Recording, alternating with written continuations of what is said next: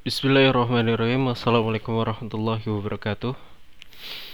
Innal hamdalillah nahmaduhu wa nasta'inuhu wa nastaghfiruh wa na'udzubillahi min syururi anfusina wa min sayyiati a'malina may yahdihillahu fala mudhillalah wa man yudlil fala hadiyalah Asyhadu an la ilaha illallah wahdahu la syarikalah wa asyhadu anna Muhammadan abduhu wa rasuluh la nabiyya ba'dah Allahumma afuun karim tuhibbul afwa fa'fu anna ya karim Allahumma ya muqallibal qulub sabbis qulubana ala dinik wa ala ta'atik birahmatika ya arhamar rahimin Apa kabar teman-teman semua? Semoga teman-teman semua dalam keadaan sehat walafiat Semoga di hari Ahad ini kita semua melakukan aktivitas-aktivitas yang berkah.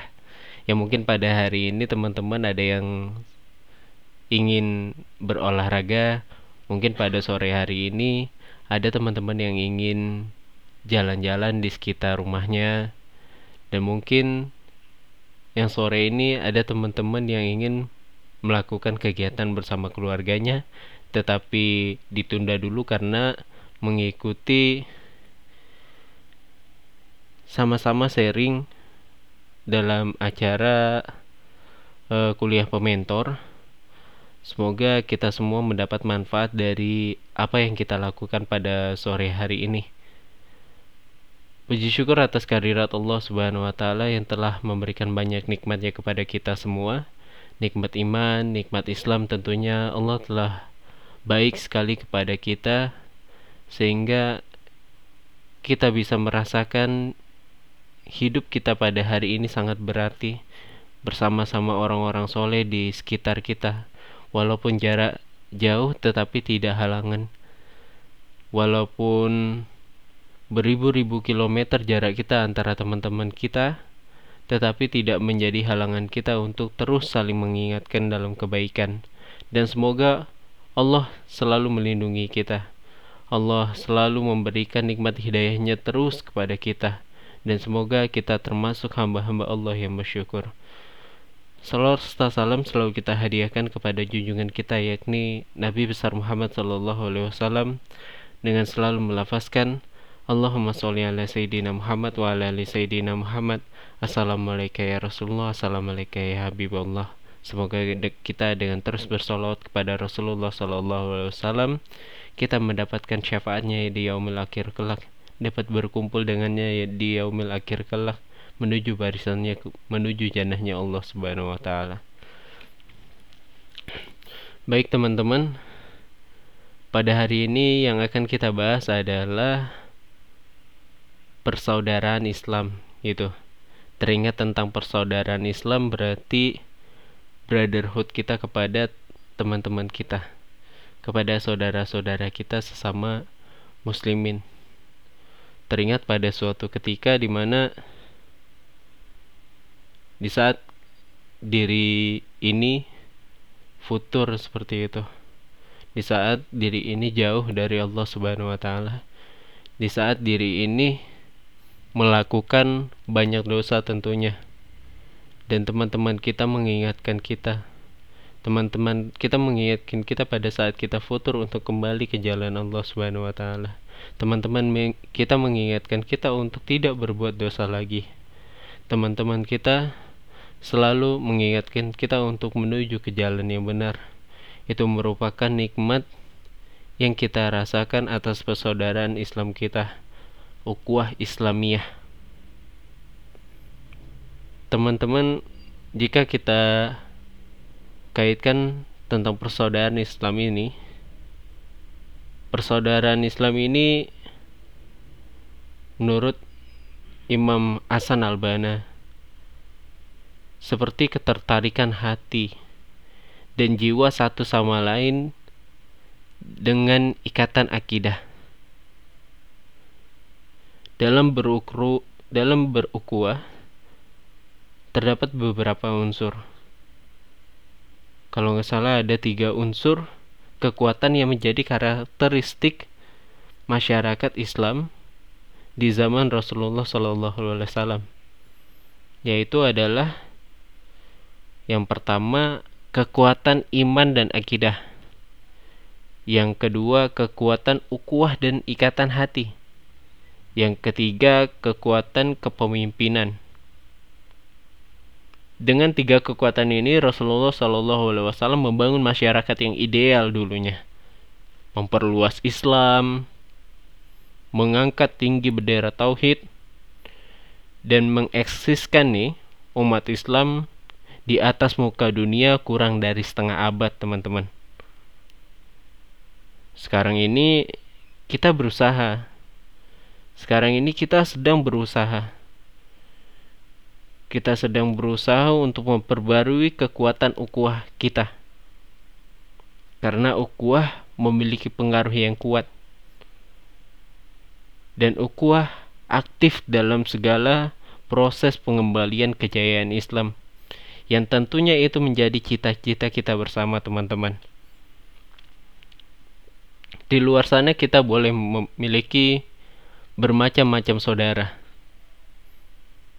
Atas nama persaudaraan motor CBR contohnya. Atas nama persaudaraan Vespa. Ataupun atas nama persaudaraan sepeda. Tetapi yang harus kita ingat teman-teman, kita boleh kompak dalam persaudaraan atas nama apa pun.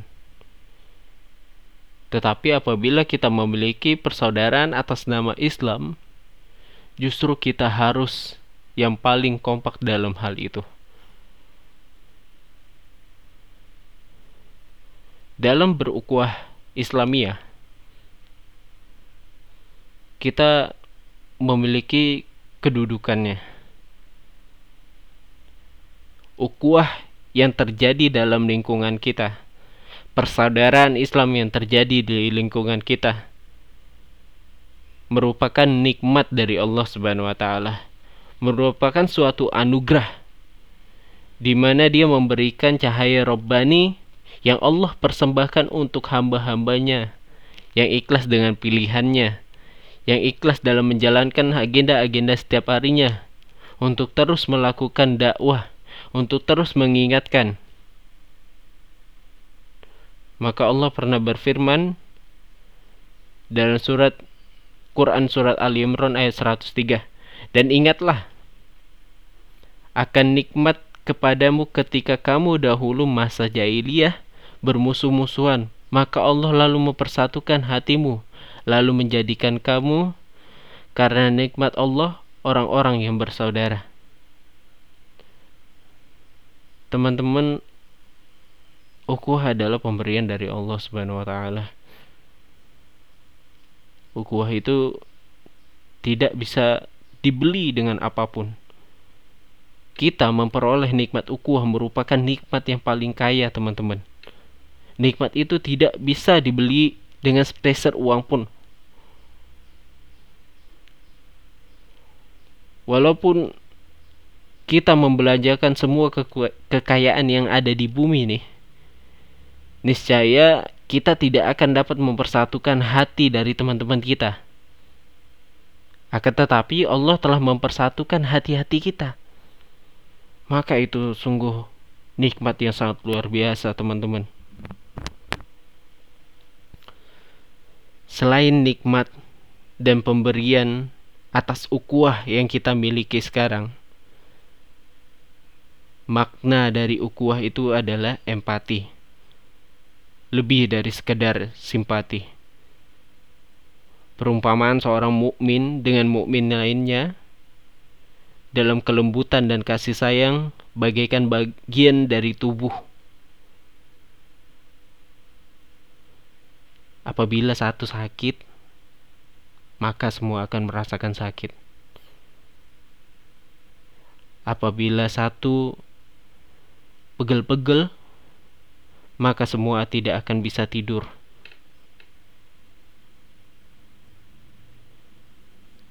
Maka dari itu, kita ibaratkan satu kesatuan tubuh. Rasakanlah nikmat ukhuwah itu dalam kehidupan kita sehari-hari, teman-teman. sampaikan nikmat ukuah yang kita jalani di setiap keseharian kita kepada adik-adik kita nantinya. Dengan ukuah kita sebagai sesama muslim akan saling menopang dan menguatkan seperti menjadi satu kesatuan yang sangat kuat antara kita dan teman-teman kita dalam kehidupan sehari-hari bagaikan sebuah bangunan yang sangat kokoh. Bangunan yang sangat kokoh tidak mudah digoyangkan. Walaupun gempa bumi kita tetap terus menjadi sosok, sosok bangunan yang kokoh.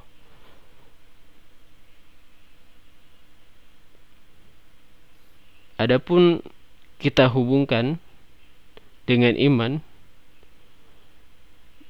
bahwa ukhuwah yang kita jalani setiap harinya oleh teman-teman kita, oleh saudara-saudara semuslim kita diikat oleh yang namanya iman dan takwa. Sebaliknya, iman juga diikat dengan ukhuwah. Allah berfirman dalam Quran surat Al-Hujurat ayat 10 sesungguhnya orang-orang mukmin itu bersaudara. Artinya mukmin itu ya pasti bersaudara. Dan tidak ada persaudaraan kecuali dengan keimanan. Jika kita melihat ada yang bersaudara bukan karena iman, maka ketahuilah persaudaraan itu adalah persaudaraan yang dusta, tidak memiliki akar dan tidak memiliki buah. Jika kita melihat iman tanpa persaudaraan, maka iman itu tidak akan sempurna. Belum mencapai derajat yang diinginkan. Bahkan bisa berakhir dengan sebuah permusuhan.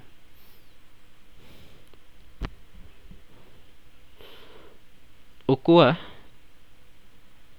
yang kita jalani dalam kehidupan kita sehari-hari memiliki banyak sekali keutamaan. Pertama, dengan ukuah kita bisa merasakan nih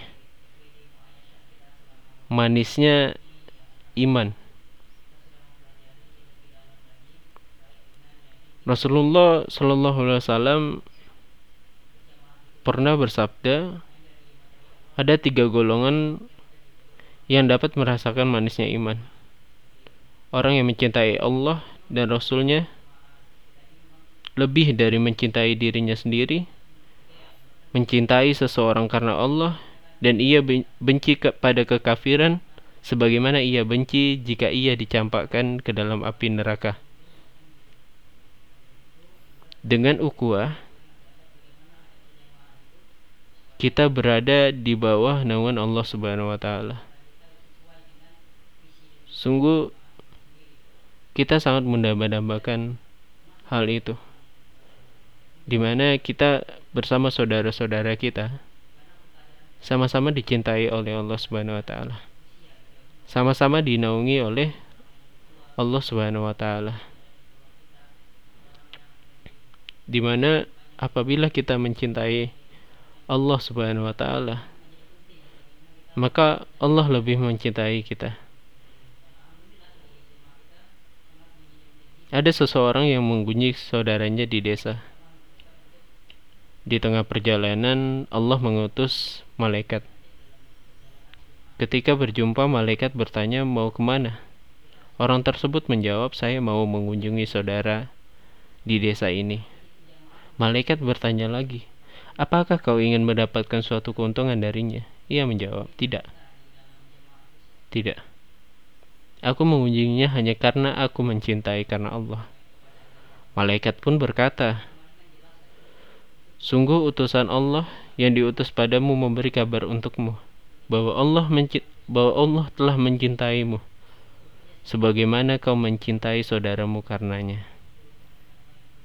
Hadis riwayat Imam Muslim. Sungguh sangat luar biasa teman-teman. Apabila kita mencintai Allah Subhanahu wa taala, Allah pasti akan membalas cinta kita. Dan apabila kita mencintai Allah Subhanahu wa taala bersama dengan orang-orang di sekeliling kita. Dengan ukuah Insya Allah suatu hari kita akan menjadi seorang ahli surga.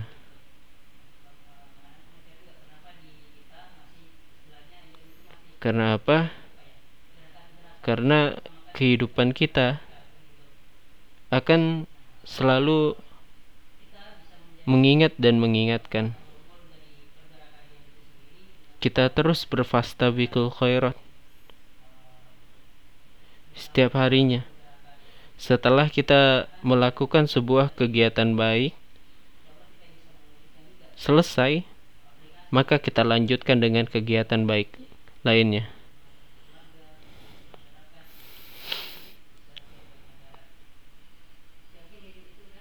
Bersaudara karena Allah adalah amal yang mulia, teman-teman, yang mendekatkan seorang hamba dengan Allah hendaknya kita mencintai seseorang dan membenci seseorang karena Allah Subhanahu wa taala. Karena apabila kita mencintai seseorang karena Allah, maka Allah akan membantu kita. Kita mencintai saudara-saudara kita karena Allah, maka Allah akan meridhoi persaudaraan kita. dengan ukuah yang kita jalankan setiap harinya, dosa-dosa kita akan diampuni oleh Allah Subhanahu wa taala. Teringat apa yang pernah disampaikan oleh Rasulullah sallallahu alaihi wasallam. Jika ada dua orang muslim bertemu dan kemudian mereka saling berjabat tangan, maka dosa-dosa mereka akan hilang dari kedua tangan mereka berjatuhan dari pohon. Coba kita bayangin. Selama ini, selama kita menjalankan aktivitas-aktivitas kita sebagai seorang aktivis dakwah, berapa banyak yang telah kita satukan ikatannya dengan kita. Kita bersalam-salaman dengan mereka dalam rangka saling menguatkan untuk beriman kepada Allah Subhanahu wa taala. Sama-sama dalam rangka berfasta bikul khairat berlomba-lomba dalam kebaikan. Sungguh apabila kita ada dosa maka kita memohon kepada Allah dengan kita bersatu dengan kita berukhuwah atas nama persaudaraan muslim maka insya Allah dosa-dosa kita akan digugurkan oleh Allah Subhanahu wa taala. Dalam kita menjalankan sebuah hal yang namanya ukuah, pasti ukuah itu memiliki haknya dan syarat. Hak dan syarat yang harus kita penuhi. Yang pertama, hendaknya kita bersaudara untuk mencari keridhaan Allah, bukan kepentingan atau berbagai tujuan duniawi. Tujuan kita adalah ridho Allah. Mengokohkan internal umat di lingkungan kita, berdiri tegar di hadapan konspirasi yang berusaha menghancurkan agama Islam. Kita selalu berada di depannya. Yang kedua, hendaknya kita saling tolong menolong dalam keadaan suka dan duka, senang ataupun tidak, mudah ataupun susah. Karena dalam kehidupan berdakwah itu emang itu yang kita lakukan. Dalam setiap kegiatan yang kita adakan, kita saling tolong menolong. Dalam keadaan senang atau tidak. Senang ada saatnya pada saat kita melakukan kegiatan dakwah. Tidak senang pasti dirasakan oleh para setiap aktivis dakwah. kita sebagai seorang muslim harus selalu mengingatkan untuk saling tolong menolong dan sebagai seorang muslim juga apabila kita terjadi permusuhan maka kita tidak boleh bermusuhan dengan saudara kita lebih dari tiga hari di mana satu berpaling dengan yang lainnya maka yang terbaik adalah mereka yang memulai mengucapkan salam. Kemudian hendaknya kita memenuhi hak-hak umum dalam ukhuwah. Hak muslim atas muslim lainnya ada enam, yaitu jika berjumpa ia memberi salam, jika bersin dia mendoakannya, jika sakit ia menjenguknya. Jika meninggal, ia mengikuti jenazahnya. Jika bersumpah, ia melaksanakannya. Maka itulah hak-hak yang harus kita lakukan kepada saudara-saudara muslim kita. Dalam berukuah, pastinya terdapat tingkatan-tingkatan dan ini kita pasti sudah mempelajarinya dari kita mahasiswa baru sehingga kita yang sekarang ini akan menyampaikannya kita harus tahu tingkatan-tingkatan dari ukhuwah. Tingkatan yang paling rendah dalam ukhuwah adalah salamatus sadar yaitu bersih hatinya bersih hati kita dari perasaan iri, dengki, benci, dan sifat-sifat negatif lainnya terhadap saudara kita. Jika kita tidak bisa memberikan suatu kebaikan kepada saudara kita, paling tidak nih, kita tidak memiliki perasaan negatif terhadapnya. Termasuk juga dalam tingkatan terendah ini adalah selamatnya saudara kita dari ke, dari kejahatan lisan dan tangan kita. Jangan pernah nih sekali-kali kita melakukan kezaliman kepada saudara-saudara kita. Apalagi mengomongi saudara-saudara kita. Apalagi tangan kita dengan mudahnya melakukan hal-hal yang menzolimi saudara-saudara kita. Dan adapun tingkatan ukuah yang paling tinggi adalah itsar yaitu lebih mementingkan dan mengutamakan saudara kita di atas diri kita sendiri. Pernah nggak kayak gitu? Pernah nggak kita mendahului saudara kita dibandingkan diri kita? Coba kita introspeksi diri ya kita mengingat-ingat dulu Pernah nggak kita melakukan hal itu? Kalau pernah, maka selamat untuk teman-teman semua yang udah melaksanakan tingkatan ukuah yang paling tinggi yaitu itsar. Itsar pernah dicontohkan oleh para sahabat Ansor kepada para sahabat muhajirin di Madinah. Pasti teman-teman udah tahu ceritanya. Nah, dalam ukhuwah ada tahapan-tahapan yang harus kita ketahui nih. Untuk membangun sebuah ukhuwah pastinya perlu beberapa tahapan. Tahapan pertama adalah ta'aruf.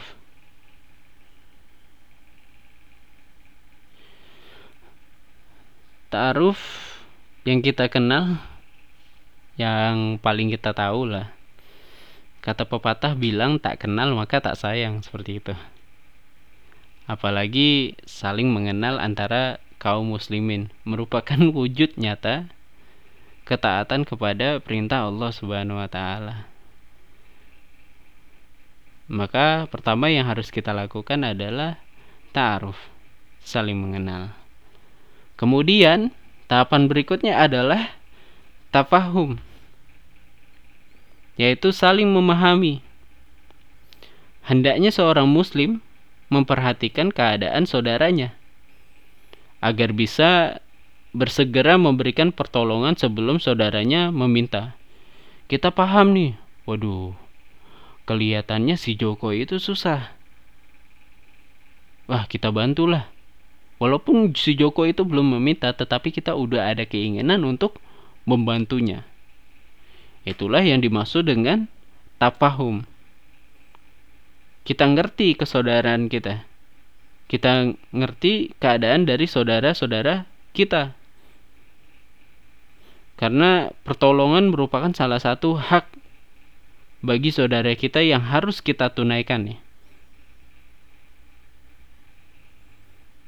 Barang siapa yang menghilangkan kesusahan seorang muslim, niscaya Allah akan menghilangkan satu kesusahan di hari kiamat.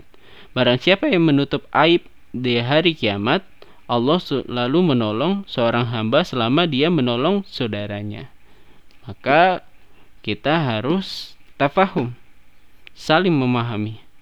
Saling memahami kemudian saling menolong.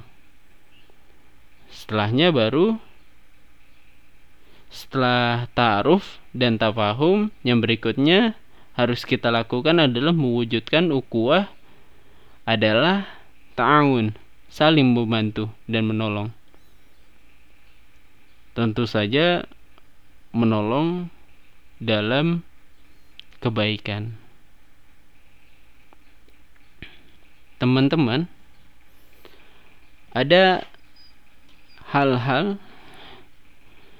yang dapat menguatkan ukhuwah Islamiyah kita. Yang pertama adalah memberitahu kecintaan kita kepada saudara-saudara kita yang kita cintai. Berlandaskan cinta itu karena Allah Subhanahu wa taala. Nah, itu yang pertama yang dapat menguatkan iman kita.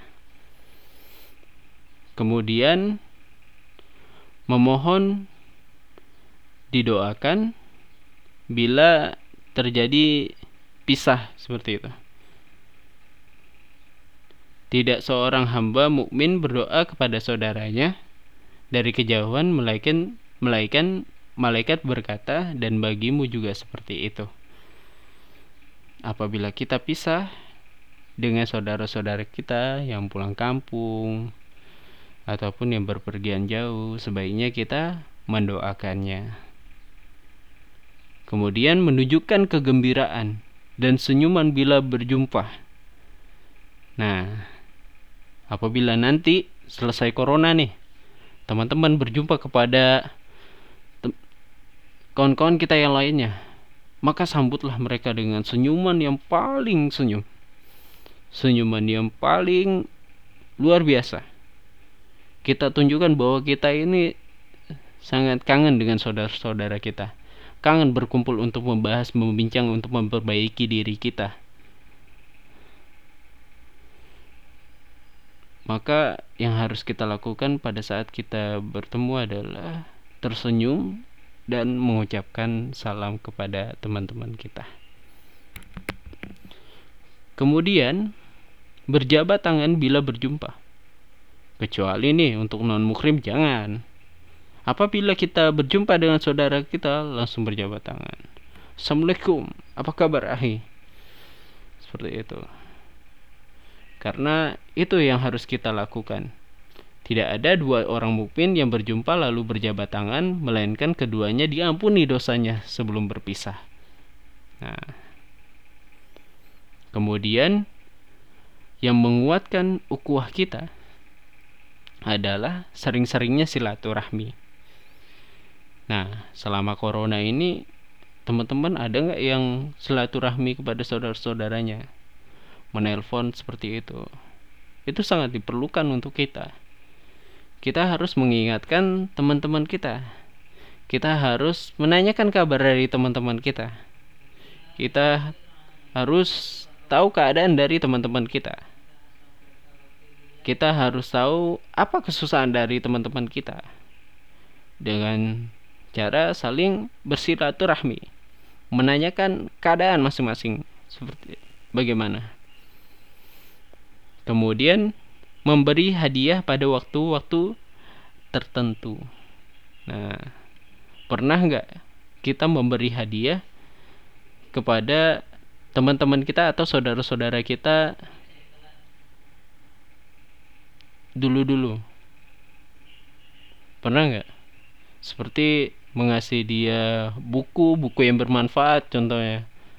Seperti buku mengingatkan bagaimana cara menjentuh hati karya Abbas Asisi nah kemudian uh, tentang uh, sang murabbi atau buku uh, tentang menjadi kader yang baik atau cara dakwah fardiyah.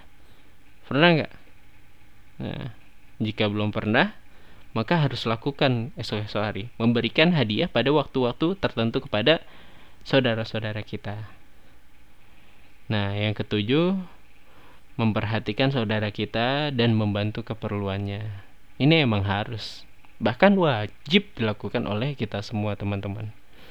Kita harus membantu dan memperhatikan saudara kita membantu setiap keperluan saudara-saudara kita.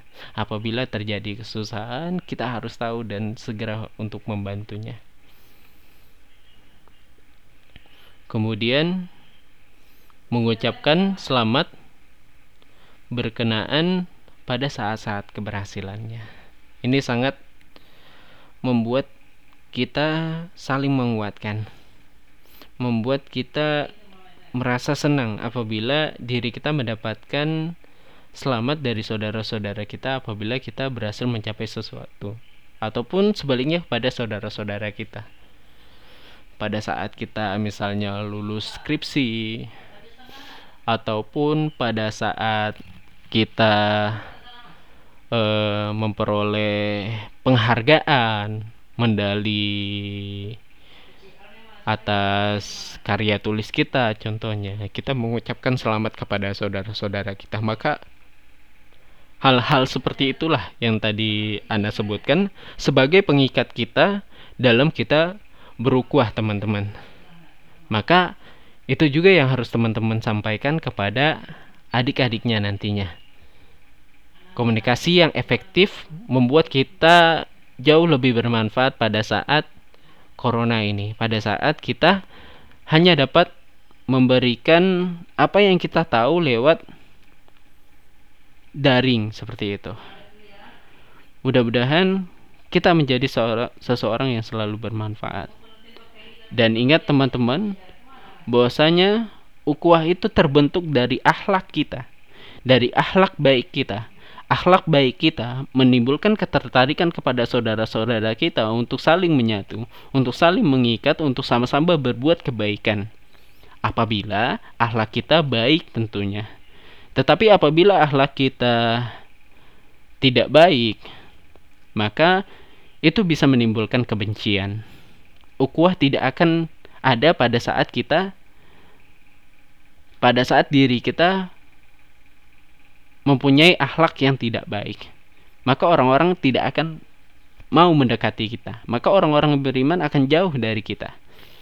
Tetapi apabila kita memiliki akhlak yang baik dalam keseharian kita, insya Allah pada nantinya setiap hari setiap hari setiap hari kita, setiap hari-hari kita akan dibersamai bersama orang-orang yang nantinya sama-sama ingin kita beriman kepada Allah Subhanahu wa taala, sama-sama takut kepada Allah Subhanahu wa taala. Sama-sama ingin memperbaiki diri dalam rangka terus berfastabikul khairat.